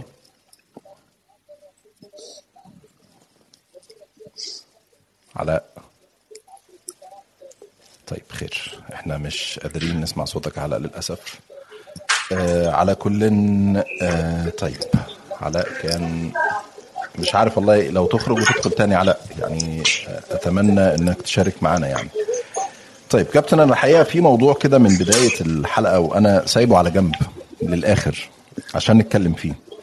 تفضل ليه الفترة الأخيرة دايما في توتر ما بين حفيظ دراجي وما بين جمهور المغرب؟ لأسباب مختلفة. ليه؟ أنا من طرفي ليس هناك أي تو- توتر. نحكي لك الحكاية. أنا كحفيد أتكلمش عن الجزائريين لأني لست ناطق رسمي باسمه. أنا كحفيد عمري ولا تكلمت في السياسة فيما يتعلق بالمغرب. لما نتكلم عن السياسة نتكلم على قضية الصحراء الغربية. آه، عمري ولا تكلمت في الموضوع. أنا حز في نفسي أنه وزير خارجية المحتل يروح للمغرب. حس في نفسي أنه التطبيع تطبيع المغاربة في الفترة هذه لأنه ما كانوش في حاجة. آه إلى ذلك. لما نتحدث عن تطبيع الأردن ومصر وممكن لبنان وسوء الجيران تاع تاع الكيان قد قد يفهم هذا الأمر داخل في في نطاق معين ومن زمان. اما أنك انت من المغرب الأقصى تطبع مع إسرائيل وتتحجج بذلك أنه بسبب الجزائر فليس هناك آه، عقل يقبل هذا. وبعدين لأول مرة في التاريخ وزير خارجية بتاع إسرائيل ينتقد الجزائر من المغرب. يتكلم عن الجزائر يذكرها بالاسم وينتقدها. فأنا كتبت تويتر قلت بأنه لأول مرة في التاريخ وهي موجودة لأول مرة في التاريخ وزير خارجية إسرائيل يتهكم على الجزائر ودرت بين قوسين من المغرب. قد يتهكم عن الجزائر من فنلندا من ألمانيا من الولايات المتحدة أنا لن ألوم معه أما من المغرب أو من مصر أو من تونس أو من ليبيا فأنا لا أقبل هذا. أو على الأقل المصري والليبي والتونسي والمغربي المفروض لا يقبل هذا. فانتقدت هذا الأمر وقلت بأنه هو قال يحرجنا تقارب الجزائر آه، دور الجزائر في إفريقيا وتقاربها من إيران. أنا قلت له سنقترب أكثر فأكثر من كل الذين يعادونكم وسنستمر في غلق حدودنا وأجواءنا. أنا أتكلم عن الجزائر وأتكلم عن وزير خارجية إسرائيل. فجاءتني موجة من الانتقادات من الإخوان الإعلاميين بالدرجة الأولى في المغرب. أنا لا أتحدث عن الشعوب. الشعوب تتحرك على مشاعرها وهذا أمر طبيعي. قد اليوم يكون ضدك غدوة يجي معك عادي جدا. ف ولحد الآن لم أسئ لا إلى المغرب ولا إلى رموز المغرب ولا إلى شعوب المغرب. في تغريداتي وكتاباتي وهي موجودة بل بالعكس في تلك التغريدة كتبت من تحت مع كل الاحترام للشعب المغربي. فمذ ذاك الحملة زادت. وبعدين إخواننا المغاربة الله يسامح لهم نتكلم على الإعلام ونتكلم نتكلم على السياسة. طبعا آه مثل ما في مصر وفي الجزائر فيه آه استغباء للشعوب وفيه محاولة آه، التأثير على آه، ال- الرأي العام من خلال إلهائه بأشياء تتعلق بحفيظ ولكن أنا عمري ولا اعتبرت نفسي بأنه عندي مشكل مع المغرب. ممكن عندي مشكلة وبعدين طلعوا إعلاميين المغاربة سامحهم الله. واحد يفتري ويقول أنا حفيظ كلمني وقال لي وأنا والله العظيم عمري ما كلمته. يا دكتور أنت أنا عمري ما كلمتك. تطلع البارح تقول لهم أنا كلمني حفيظ وقال لي وقلت له أنا ما كلمتك وما قلت لك وما قلت لي كيف؟ فلما يوصل الإعلامي إلى درجة أنه يكذب هكذا على الناس ويفتري يحب يبين روحه بأنه طرزان هذه أمر مؤسف ما تقدرش تدخل فيه أنا عمري ما عندي مشكل مع المغاربة. آه، أنا من طرف. إذا هم عندهم مشكل فالله يسهل عليهم فقط. طب ال- الأزمة الأخيرة موضوع التويتة والرسائل والتغريدات ورفع قضية عليك وامنعوه من التعليق فارغ. والكلام ده كله. كلام فارغ كلام فارغ كلام فارغ. لا يزيد ولا ينقص كيف يقول المغني كلام الناس آه، كيف الاغنيه هذيك؟ فك- ذكرني يرحم والدي. لا بيقدم ولا لا, لا بيقدم ولا اخر أوكي آه، ممكن الإنسان يتأسف أن تصل الأمور إلى هكذا درجة ويصل السب والسباب ويحطوا تليفوني في وسائل التواصل الاجتماعي ويتصلوا بي الناس ويكتبوا لي رسائل ويكتبوا في تويتر وفي فيسبوك وفي مختلف الوسائط يكتبوا كلام لا ما أتى الله عليه بسلطان من سلطان افتراءات وكذب ومش عارف واش وبعدين يا أخي يقول لك رجعت على رسالة خاصة. اولا حتى ولو رجعت على رسالة خاصة فهي رسالة خاصة. اسمها خاصة.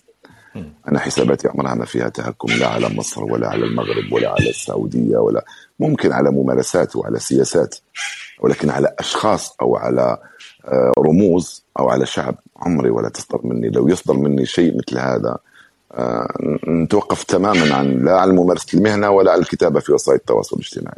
عمري ما سائل الناس. جميل. ف آه، الامر مر. كان كلام فارغ يعني. هذا واحد يرفع قضية وهذا مش عارف واش. هل هل صحيح إن إدارة بين قالت لك ما تعلقش الفترة؟ ابدا ابدا ابدا ابدا. في عز الضغوطات أنا كنت نعلق ونشتغل عادي جدا. عمرهم ولا ولا ولا واحد في القناة كلمني. ولا واحد كلمني.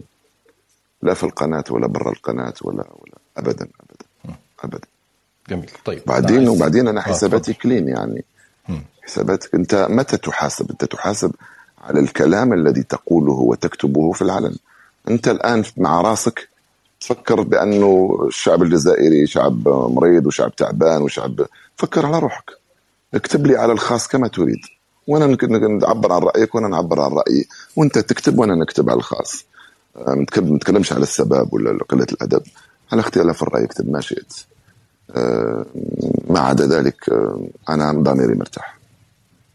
جميل طيب خلينا آخر محاولة مع علاء. علاء اتفضل افتح المايك. ألو؟ أهلا وسهلا علاء. الحمد لله على السلامة. الحمد لله يا علاء. اتفضل. أهلا بكابتن حفيظ ما شاء الله عليكم. يعني آه، لقاء شيق وحديث ممتع للغاية.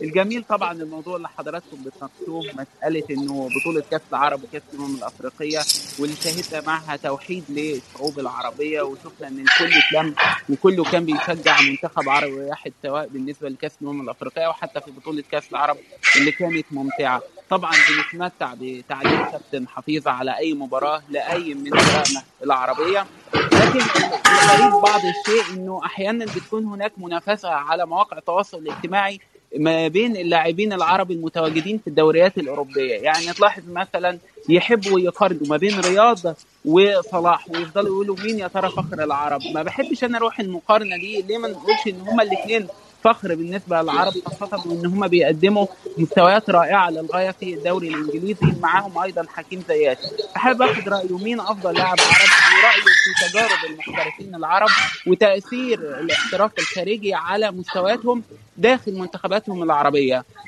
لأنه البعض بيوجه لهم اتهام الانتقاد في الأحيان لو خسروا ويتقال إن هم خايفين على رجليهم إن الأولوية بالنسبة لهم بالنسبة للدوريات الأوروبية على اللاعب في البطولات الافريقيه ده سؤال السؤال الثاني بالنسبة لكابتن آه، حفيظ. يا ترى شايف حظوظهم للمباريات الفاصلة في تصفيات كأس العالم؟ وهل يا ترى لو طلعنا لكأس العالم وهو ده الأهم مش الأهم إن إحنا نروح هل يا ترى لو طلعنا أدائنا هيكون مشرف ونقدر نروح للأدوار النهائية؟ ولا يعني زي ما رحنا زي ما جينا. وخالص الشكر للكابتن حفيظ ولحضرتك يا دكتور اسامه أشكرك علاء وأنا سعيد جدا إن صوتك الحمد لله وصل يعني. طيب كابتن أنا موضوع أسئلة الأفضل أنا سايبها للآخر. دي فقرة أسئلة سريعة هنختم بيها معاك. لكن آه، تأثير المحترفين العرب في آه، آه، فرق أوروبا مع منتخباتهم لأن في اتهامات إن هم مش بيلعبوا مع المنتخب زي ما بيلعبوا في الأندية. لا مش لهذه الدرجة. هو كلام جماهير طبعا وبعض الإعلاميين الذين يسيرون الجماهير في محاولة لإرضائهم لا أعتقد بأنه محرز أو صلاح يتخاذل عندما يلعب مع منتخب بلاده لا أعتقد أي نعم مستويات صلاح قبل كأس أمم أفريقيا مع المنتخب المصري لم تكن لأنه الناس يعتقدوا بأنه لازم يلعب مثل ما يلعب في ليفربول. مستحيل إنه يلعب لك مثل ما يلعب في ليفربول. ليفربول يتدرب معهم كل يوم ويلعب معهم كل أسبوع. فمتعود عليهم بتغماض العين حتى وعينيه مغمضه يعرف وين راه وين جاي ساديو ماني وين رايح فيرمينو وين رايح هو. المنتخب زيد صراحة تغيروا عليه. كم اللاعبين اللي تغيروا عليه الآن في منتخب مصر؟ منذ بدا مع منتخب مصر من عهد أبو تريكة لليوم كم قلب هجوم تغير في مصر؟ وكم لاعب صغير ظهر؟ وكم وكم مدرب أيضا؟ فلا أعتقد بأن هناك تخاذل. مستواهم هو مستواهم. مستواهم اللي يلعبوا اللي يلعبوا به في ليفربول والسيتي هذا هو المستوى الحقيقي مش المستوى تاع مصر. وبعدين حتى ميسي حدث له نفس الشيء. يعني ميسي اللي أفضل لاعب في العالم في العشرين سنة الماضية مع الأرجنتين فاز بكوبا أمريكا من من سنة فقط. عمره ولا فاز بلقب مع منتخب الأرجنتين. فكان نفس الكلام. أعتقد بأنه هو كلام جماهيري وشوية بدعم إعلامي. طيب السؤال عن منتخب مصر المباراة الفاصلة. أنت يعني جاوبناه من شوية لكن نعم. لو مصر تأهلت كأس العالم هل متوقع أنها تؤدي أداء كبير ولا تخرج بالدور الأول؟ ولا ولا نظريا وعلى الورق ولا منتخب عربي بإمكانه أن يؤدي أداء كبير نظريا إلا إذا خدمته القرعة. آه، يعني في الدور المجموعات في مجموعته وتأهل الدور الثاني وبعدين في الدور الثاني وقع مع منتخب ممكن في المتناول ويتأهل الدور الثمن النهائي. ما عدا ذلك آه، نظريا صعب على المنتخبات العربية أنها تتألق إلا إذا كان وجودهم في قطر أيضا يكون له مفعول لأنه يكون حضور جماهيري عربي كبير جدا تصور لو مصر آه، تتأهل ل- ل- لكأس العالم. فكل مباريات مصر راح يكون الملعب كله مصري من دون الحاجة إلى مجيء المناصرين المصريين من مصر. ما شاء الله الناس الموجودين هنا آه، يملأوا كل الملاعب الموجودة مثلا. فهذا ممكن يكون دعم وراح يشعر فيه اللاعبون بأنهم يلعبون في مصر وليس في قطر. جميل. طيب إحنا آه، حمزة لو في مداخلة تانية سريعا في نصف دقيقة. اتفضل. حمزة؟ آه، السلام عليكم. كابتن حضرتك سامعني كده؟ سامع مرحبا بك أهلا وسهلا. الله يكرمك. آه، هو بس كان في تصريح منتشر ما أعرفش صح ولا لأ إن حضرتك قلت لو ميسي اعتزل حضرتك هتعتذر عن التعليق أو حاجة زي كده. في حاجة زي كده ولا ده؟ لا لا لا لا لا لا. قلت قلت لا أدري كيف ستكون سيكون حال الكرة آه، عندما يتوقف ميسي ورونالدو عن ممارسة اللعبة يعني. فاعتزل بعد اعتزال ميسي. لا أنا لا أربط نفسي بميسي. ربط نفسي بأبو تريكة بصلاح بمحرز بس ميسي لا لا لا. لا طيب تمام تسلم جدا. ربنا يكرمك الله. يسلمك الله يسعدك. شكرا يا حمزة. طيب كابتن إحنا قبل ما آه، أنهي بفقرة أسئلة سريعة تعتمد على سرعة البديهة وأنت ما شاء الله يعني آه، تمتلك سرعة بديهة عالية جدا.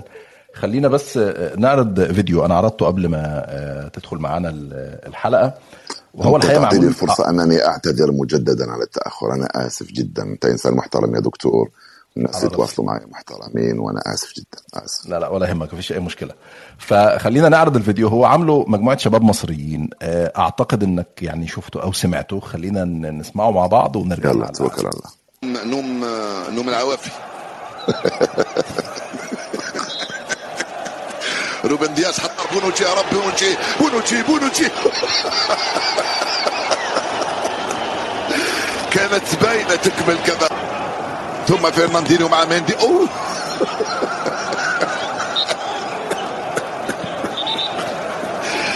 كرة مندي تضرب في وجه جابرييل جيزوس. فابينيو يتفوق البرازيلي ويرجع للحارس البرازيلي. آه يا أليسون آه. آه يا أليسون آه. فينالدوم. أليسون. ضيعها أليسون ضيعها أليسون أليسون. برناردو سيلفا جول جول جول. بابلو ماري في التغطية. يتفوق في هذه الكرة يوصلها لتوماس بارتي مرة ثانية. قلما يضيع كرة توماس بارتي. هاو ضيعها بحثا عن ساديو ماني. بروعة التمريرة ولا إلا أن تخطئ يا بيكفورت إلا في هذه المباراة يا بيكفورت ما زال عنده الكرة رياض محرز في ال... في هذه المباراة التي تشتغل بشكل ما.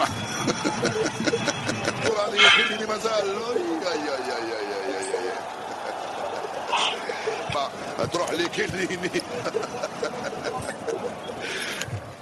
كونتي. رايح وراحت سهله لي.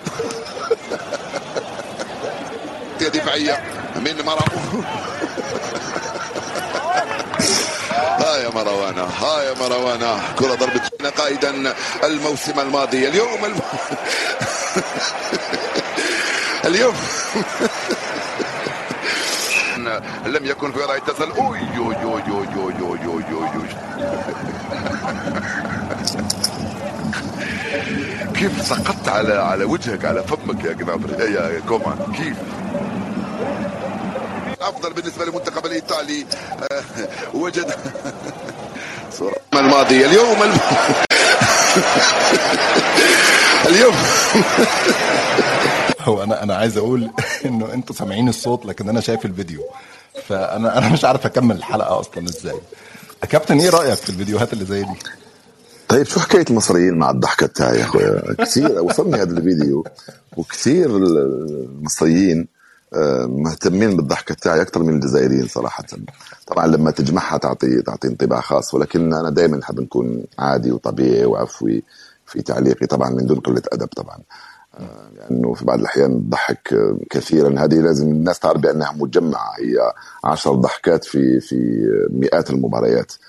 آه، لكن أنا إذا اقتضى الأمر انه نضحك نضحك يعني أثناء التعليق على مباراة لأنه أنا مرافق للمشاهد. في ونحب نضحك معه أكيد هو ما ضحكوا فأنا كذلك نحب نشاركهم في الضحكة ونضحك معهم. ال- ال- الضحك اللي زي كده بيجي فجأة؟ يعني أنت فعلا بتشوف اللقطة اللي زي مثلا يعني مثلا اللقطة بتاعت بارتي في الأرسنال وأنت بتقول ما بيضيعش أهو ضيعها. أي حد سمعها ضحك. أنا الآن ضحكت. لأنه لأنه أحيانا يقولوا لي يقولوا لي الناس يقولوا لي يا حفيظ لما تشكر واحد قول ما شاء الله. فاحيانا أنسى نقول ما شاء الله. فهذا ما قلت عليه ما شاء الله ضيعها مباشرة بعد ما قلت هو ما يضيع. فضحكت تقريبا على نفسي أنا مش مش على اللقطة يعني. ضحكت على نفسي. طيب أنا جاي لي سؤال على على موضوع الضحك ده. الحقيقة هو نفس السؤال من اتنين من حمزة ومن علي. بيقول حتى هو السؤال بالإنجليزي ask him did he love Trent and Allison? آه والسؤال الثاني أنت ليه بتضحك برضو على آه لماذا يضحك على صلاح وليس على محرز ولماذا يسمي فيرجيل فان دايك فيرجيل فون دايك؟ أو فون لا دايك. فان دايك نقول نقول فان دايك. لأنه الهولنديين يقولوا له فان دايك. يقولوا له فان دايك.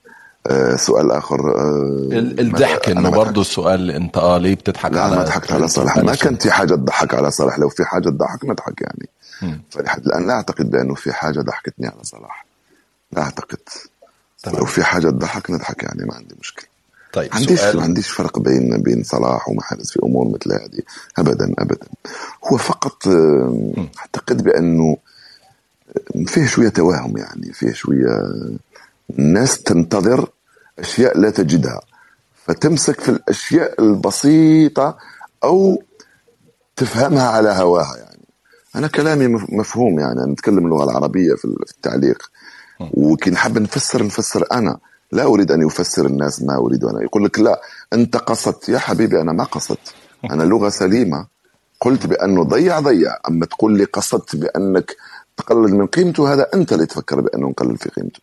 محرز ضيع أو صلاح ضيع ضيع. ضيع كرة سهلة للتسجيل. هذا اللي نشوفه أنا. أما القصد فهذا اللي في ذهنك أنت مش في ذهني أنا. طيب جميل. آه سلمى بعتة بتقول لك لو انت مش مذيع أو اعلامي كان نفسك تكون إيه؟ إعلامي. تعرف يا سلمى فكرتني في حاجة. أنا نحب نكون مش نحب نعطي أمثلة باش الناس خاصة الأولاد صغار باش يثقوا في نفوسهم ويحاولوا يحققوا مبتغاهم قدر المستطاع. أنا من كنت في الابتدائي وأنا في ابتدائي يعني سنة أولى يعني سنة ست سنين سبع سنين في عمري. كنت نقلد المعلقين لأنه في سبعينيات القرن الماضي في الجزائر لم تكن كنا خرجنا من الاستقلال من الاستعمار فلم تكن البيوت الجزائرية كلها فيها أجهزة تلفزيون كانت البيوت الجزائرية كلها فيها إذاعات فيها مذياع كنت نسمع للإذاعة الوالدة قالت لي لما كان في عمرك سنة وسنتين لما تكون تبكي وأنت شبعان ونظيف لأنه الولد يبكي يا إما جيعان يا إما عطشان يا إما مش نظيف يعني. فتقول لي أنت نظيف وشبعان وعطشان وتبكي. قالت لي نحط لك المذياع تسكت وتنام. فأنا كبرت على صوت المذياع. فمش عارف هي صدفة أو حكمة أو ربك سبحانه هو اللي خلاني آه، أحب صوت المذيعين والمعلقين والبرامج والإذاعة. فلم يكن عندنا عندنا جهاز تلفزيون إلى غاية لما صار في عمري 14 سنة. أعتقد ولا 15 سنة باش صار عندنا في بيتنا جهاز تلفزيون. آه، ف أنا هوايتي هذه وحبي وعشقي للإعلام. لا يمكن أن تتصورينه يا أختي العزيزة. ممكن هذا هو اللي خلى نصنع الفارق هذا هو اللي خلاني لا أمل من ممارسة مهنتي. أنا الآن خلصت مباراة الساعة 9 لو ينادوني الآن يقولوا تعالى في مباراة نروح نجري نعلق على مباراة. آه، وبكرة الصبح الساعة 6 الصبح ننهض نعلق على مباراة. فأنا أستمتع يعني مش أنا لا أشتغل أنا أستمتع. الحمد لله. جميل. طيب أنا يعني هختم الحلقة بمجموعة أسئلة سريعة. محتاج إجابة أول إجابة تخطر على بالك. حاول ما تاخدش وقت كتير وما تفكرش كتير. ما راح اخذ وقت. حفيظ دراجي بيلعب كورة كويس؟ جدا. مركز إيه؟ لعبت في كل المراكز ولكن حبد مركز قلب هجوم أفضل لاعب عربي؟ اليوم صلاح. أفضل لاعب أفريقي؟ صلاح. أفضل لاعب في العالم؟ والله اللي عم نعطيها ولا واحد. أنا كنت ضد إنه يعطيوها لميسي أو ال- أو حتى ال- ما, ما برش لاعب يعني صنع فارق. أه لا يوجد اليوم. حلم حققه حفيظ دراجي؟ انني اشتغلت في التلفزيون. حلم لم يحققه؟ الحج ما حجيتش لسه. طيب رسائل أخيرة خمس رسائل. الرسالة الأولى للشعب المصري. تقول له إيه؟ شعب حبوب جدا. قسما بالله ما تقدروا تقدروا. آه، مش مش كل الشعب لا لا. ما تقدر الناس تقدر تقديرنا لشعب مصر وعظمة مصر. ومش فقط من خلال الناس اللي نعرفهم هنا في مصر لا لا. وأنا عرفت هذه الأشياء بعد ما جيت على الدوحة وبعد ما تعرفت على مصريين عن قرب وبعد ما رحت لمصر كذلك. ف ولكن ما تنفخوا أنفسكم أكثر من اللازم. أوكي قلنا شعب حبوب. لكن لا ياخذكم الغرور أكثر من اللازم فقط هذا والتعصب التعصب لوطنكم كما كما شئتم بل بالعكس ولكن ليس على حساب الآخرين. الشعب الجزائري؟ أنا جزء منه فيه وعليه ويجب أن يقبل كما هو بما له وبما عليه. الشعب التونسي؟ عزيز وشقيق وعندنا قاسم مشترك كبير قرب لنا لنا كثير ضحينا سويا وفيه أحداث ساقية يوسف يوسف بعد الاستقلال. تونس مباشرة كانت اختلطت فيها الدماء الجزائرية. أعتقد بأنه أقرب الشعوب إلينا لهجة وثقافة و... ومسافة طبعا. أخيرا الشعب المغربي. نعم؟ الشعب المغربي رسالتك للشعب نفس الشيء تقريبا نفس الشيء تقريبا بيننا. هادو آه، يقعون في حدودنا الشرقية والآخرين في حدودنا الغربية. آه، إلى اليوم وإلى غاية الغد لا يمكن لأي أحد أن أن يقول أو يخلق مشاكل بين الشعبين. أنا أركز بين الشعبين الجزائري والمغربي. أما المشاكل السياسية الموجودة بين النظامين فكانت موجودة منذ استقلال الجزائر. إلى يومنا هذا ما زالت موجودة ولكن لم تؤثر إلا في الفترة الأخيرة على العلاقات بين الشعبين. جميل. طيب أنا قبل ما أسألك عن رسالتك الأخيرة لأسرتك ال- ال- الصغيرة أنا فقط في آه، أسئلة أرسلها صحفي جزائري هو عبد العزيز بن بن عمر ويعني ألح إن أنا لازم أسألها لك. هو بيقول إنه كنت لا تستطيع دخول الجزائر منذ اندلاع الحراك في 2019 إلى أواخر 2021 ليس صحيحا ليس صحيحا. الآن طب أكمل لك السؤال. الآن صرت تتردد كثيرا على الوطن ما الذي تغير؟ كنت من أشد المعارضين للنظام الحالي ولفلول بوتفليقة منذ ستة أشهر ابتعدت عن انتقاد النظام فهل هناك طموح سياسي لحفيظ دراجي وما الذي تغير؟ اولا ليس لدي طموح سياسي ولو أن الطموح السياسي حق مشروع لكل واحد. لك يا دكتور ولي ولكل المستمعين معنا طموح مشروع لأي واحد. أنا ليس لدي آه، طموح سياسي ولا يجب من ي... شو اسمه هذا الجزائري؟ شو اسمه؟ عبد العزيز. عبد العزيز يجب أن تعلم بأنه آم، يعرض علي عرض علي ويعرض علي مناصب في ال- في الجزائر وأنا أرفض لحد الآن. آه، وعرضت لي حتى في عهد النظام السابق وأنا رفضت. آه، انتقادي كان انتقاد لمنظومة ولنظام. وانتقاد كان أساسا مركز على الرئيس رحمة الله عليه الذي كان في وجهة نظري وجهة نظر الشعب الجزائري مريض ويحكم الجزائر. يعني المرض هو مرض قد أمرض أنا وقد تمرض أنت يا دكتور. ولكن بلد من حجم الجزائر لا يمكن أن أن يدير رجل يعني مش قادر لا يوقف ولا يقول كلمة ولا ولا يكتب حرف ولا. أنا هذا هو الذي كنت أنتقده. مش مش كنت بوتفليقة لما كان واقف عمري ولا انتقدته إلى غاية 2009 بعدها أعتقد أنه بعد ما مرض أنا آه، خوفي على الجزائر والدليل أن الشعب الجزائري كله خرج في حراك في فبراير 2019 فأنا كنت أنتقد منظومة ونظام وممارسات وليس لا أشخاص ولا بلد. ثانيا أنا عمري ما كنت ممنوع من دخول الجزائر. فقط الظروف آه، كورونا لمدة سنتين وقبلها كذلك آه، كانت مع رحيل بوتفليقة وفي الفترة الانتقالية اللي كان فيها قائد الأركان أيضا رحمه الله. نصحوني بعض الإخوان في الجزائر قالوا لي لا تدخل الجزائر لأنه ممكن تحدث لك مشاكل آه، وي- ويدخلوك للسجن بسبب انتقادك للنظام السابق. فهذا فقط. أما أنا اليوم عمري نتحدى أي واحد يقول لي آه، حفيظ راك مساند للنظام الجزائري اليوم. أنا م- لست مساند ولا ضد النظام الجزائري اليوم لأنه أنا لست رجل سياسي أنا إعلامي وما زلت أكتب وأنتقد عندما تقتضي الضرورة. ولكن اليوم في هذا الظرف بالذات فيها حكمة أنني ساكت. ساكت آه، حتى لا يستغل كلامي آه، من جهات داخلية وأخرى خارجية. م- آه، صعب أو شرح الأمر طويل جدا ولكنني أنا لست مؤيد ولا معارض ولست راضي عما يحدث في الجزائر اليوم. تقول لي بأنه لازم نعطيه لهم وقت. نقول لك أوكي ممكن. ولكن أنا لست راضي كل الرضا على النظام الجزائري ولا على الممارسات ولا على السياسات. ولكن الظرف اختلف الآن. جميل. أنا حابب أختم يعني ساعة ونصف تقريبا من النقاش مع الكابتن حفيظ برساله ما شاء الله. لأسرتك الصغيرة. تقول لهم إيه؟ شكرا على تحملهم لتداعيات مواقفي. تحملوا معي كثير أسرتي الصغيرة. رغم صغر سنهم نتكلم على الأولاد ما نتكلمش على الزوجة لأنه الزوجة إعلامية وتعرف الأمور. فإعلامية على البطالة يعني مش مش شغالة اليوم. آه ف اسرتي الصغيرة أولادي يعني ما عندهم حتى ذنب. بنتي وزوج أولادي لما يقرأوا ويسمعوا ولو أنه مش من هواة وسائل التواصل الاجتماعي كثيرا ممكن ما عدا الإنستغرام. آه ولكن أنا آسف أنهم تحملوا معي وزر مواقفي وحتى أسرتي الكبيرة اللي تألمت كثيرا وتحملت كثيرا وتعرضت كثيرا لضغوطات خاصة في السنوات الأخيرة لبوتفليقه من النظام آه، وأنا بصدد كتابة هذه الأشياء في مذكراتي. سأكتب أشياء آه، ممكن لا يصدقها الناس ولكنها كانت حقيقة.